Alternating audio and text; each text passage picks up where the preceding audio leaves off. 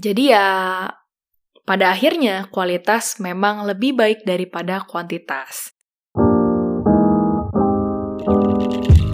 Halo semuanya, selamat datang di podcast Abjad Tersirat dan kembali lagi sama gue Yunita, aka Acing. Nah di episode kali ini gue mau ngebahas tentang pendapat yang berbeda mengenai pacaran lama versus pacaran yang singkat. Nah gue tuh kepikiran untuk ngebahas ini karena menurut gue kita tuh saat mau menikah sama seseorang nggak ada sama sekali formulanya gitu ya. Karena gue pro sama uh, pacaran dalam jangka waktu yang lama sebelum lo menikah, gue akan membagikan uh, satu alasan yang terpenting kenapa gue setuju sama hal itu, yaitu karena gue berprinsip bahwa saat lo nikah itu bukan pas lo lagi tergila-gila banget gitu.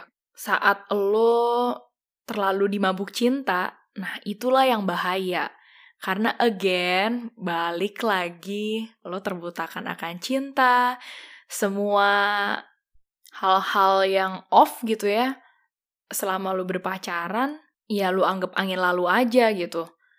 Ya menurut gue alangkah baiknya saat lo sama pasangan memperlakukan hubungan kalian tuh kayak project kampus yang gede gitu loh. Soalnya kalau menurut pengalaman gue, saat gue memperlakukan sebuah hubungan kayak project gede gitu, ya pasti gue kasih tenggat waktu dong. Gue pasti uh, kasih deadline kira-kira sampai kapan ya gue bisa bilang project ini punya potensi untuk dilanjutin gitu atau untuk dibikin jadi lebih gede lagi. Kalau lu punya tenggat waktu itu tuh membantu lu untuk narrow down hal-hal apa yang harus nih dibahas dan uh, di apa ya dikelarin dulu sebelum akhirnya gue bilang oke okay deh yuk kita lebih serius lagi gitu.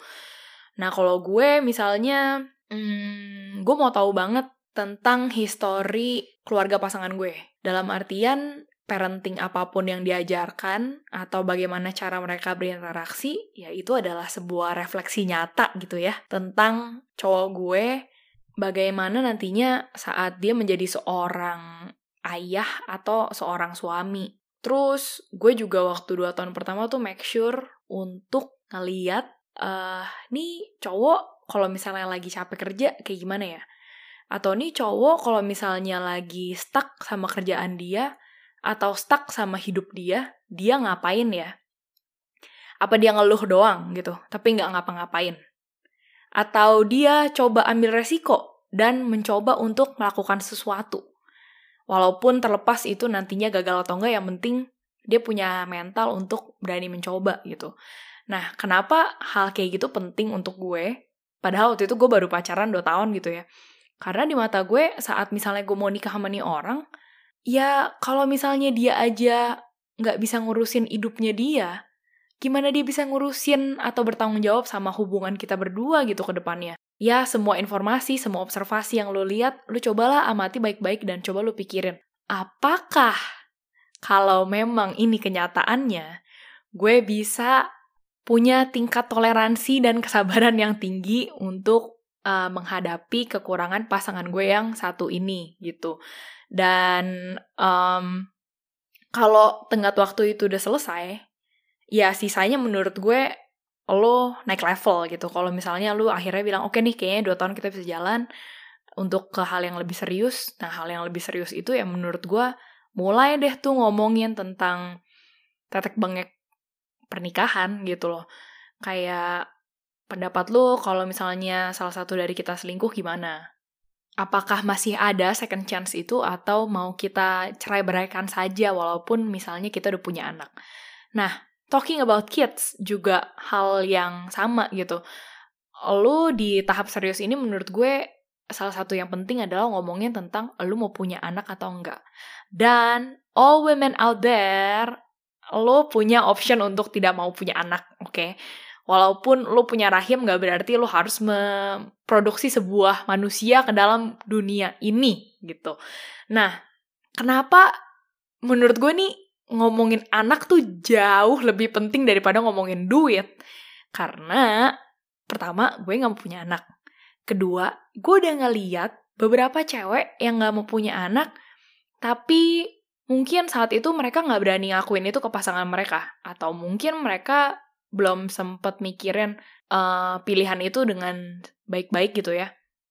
Jadi akhirnya pas udah nikah malah baru mikir eh kita mau punya anak kapan ya? Terus nggak taunya bisa aja yang cowok atau yang cewek kayak mikir eh tapi aku kayaknya nggak gitu mau punya anak deh. Aku mau fokus dulu sama kerjaan aku. Biasa kan kayak gitu kan alasannya gitu. Aku mau mencari mencari jati diriku dulu.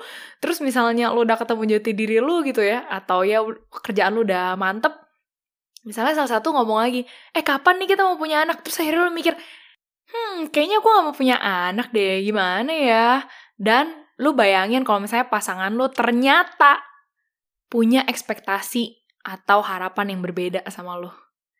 Dan itu jadi hal yang menurut dia tuh kayak prinsipal banget gitu. Kayak ya kan ada orang yang emang mimpinya mau menjadi seorang orang tua gitu kan. Lah kalau misalnya kayak gitu, masa lo baru mau ributin itu nikah?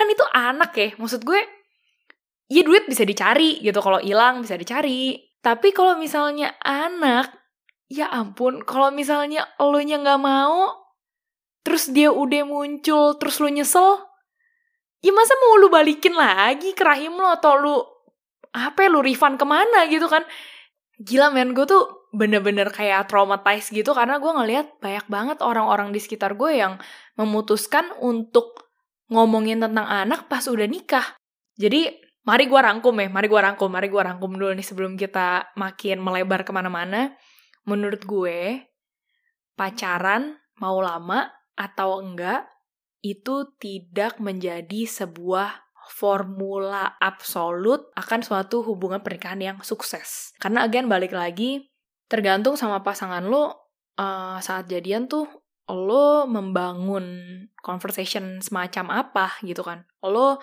komunikasinya kayak gimana. Lo saat berantem caranya kayak gimana. Jadi ya pada akhirnya kualitas memang lebih baik daripada kuantitas.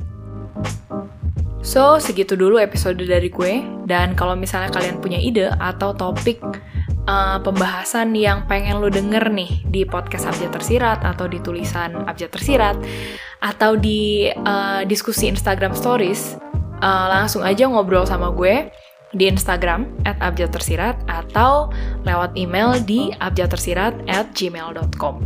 Dan kalau misalnya kalian mendapatkan sesuatu dari episode ini, jangan lupa untuk follow podcast Abjad Tersirat dan juga feel free untuk share episode ini ke teman-teman kalian yang mungkin aja membutuhkan.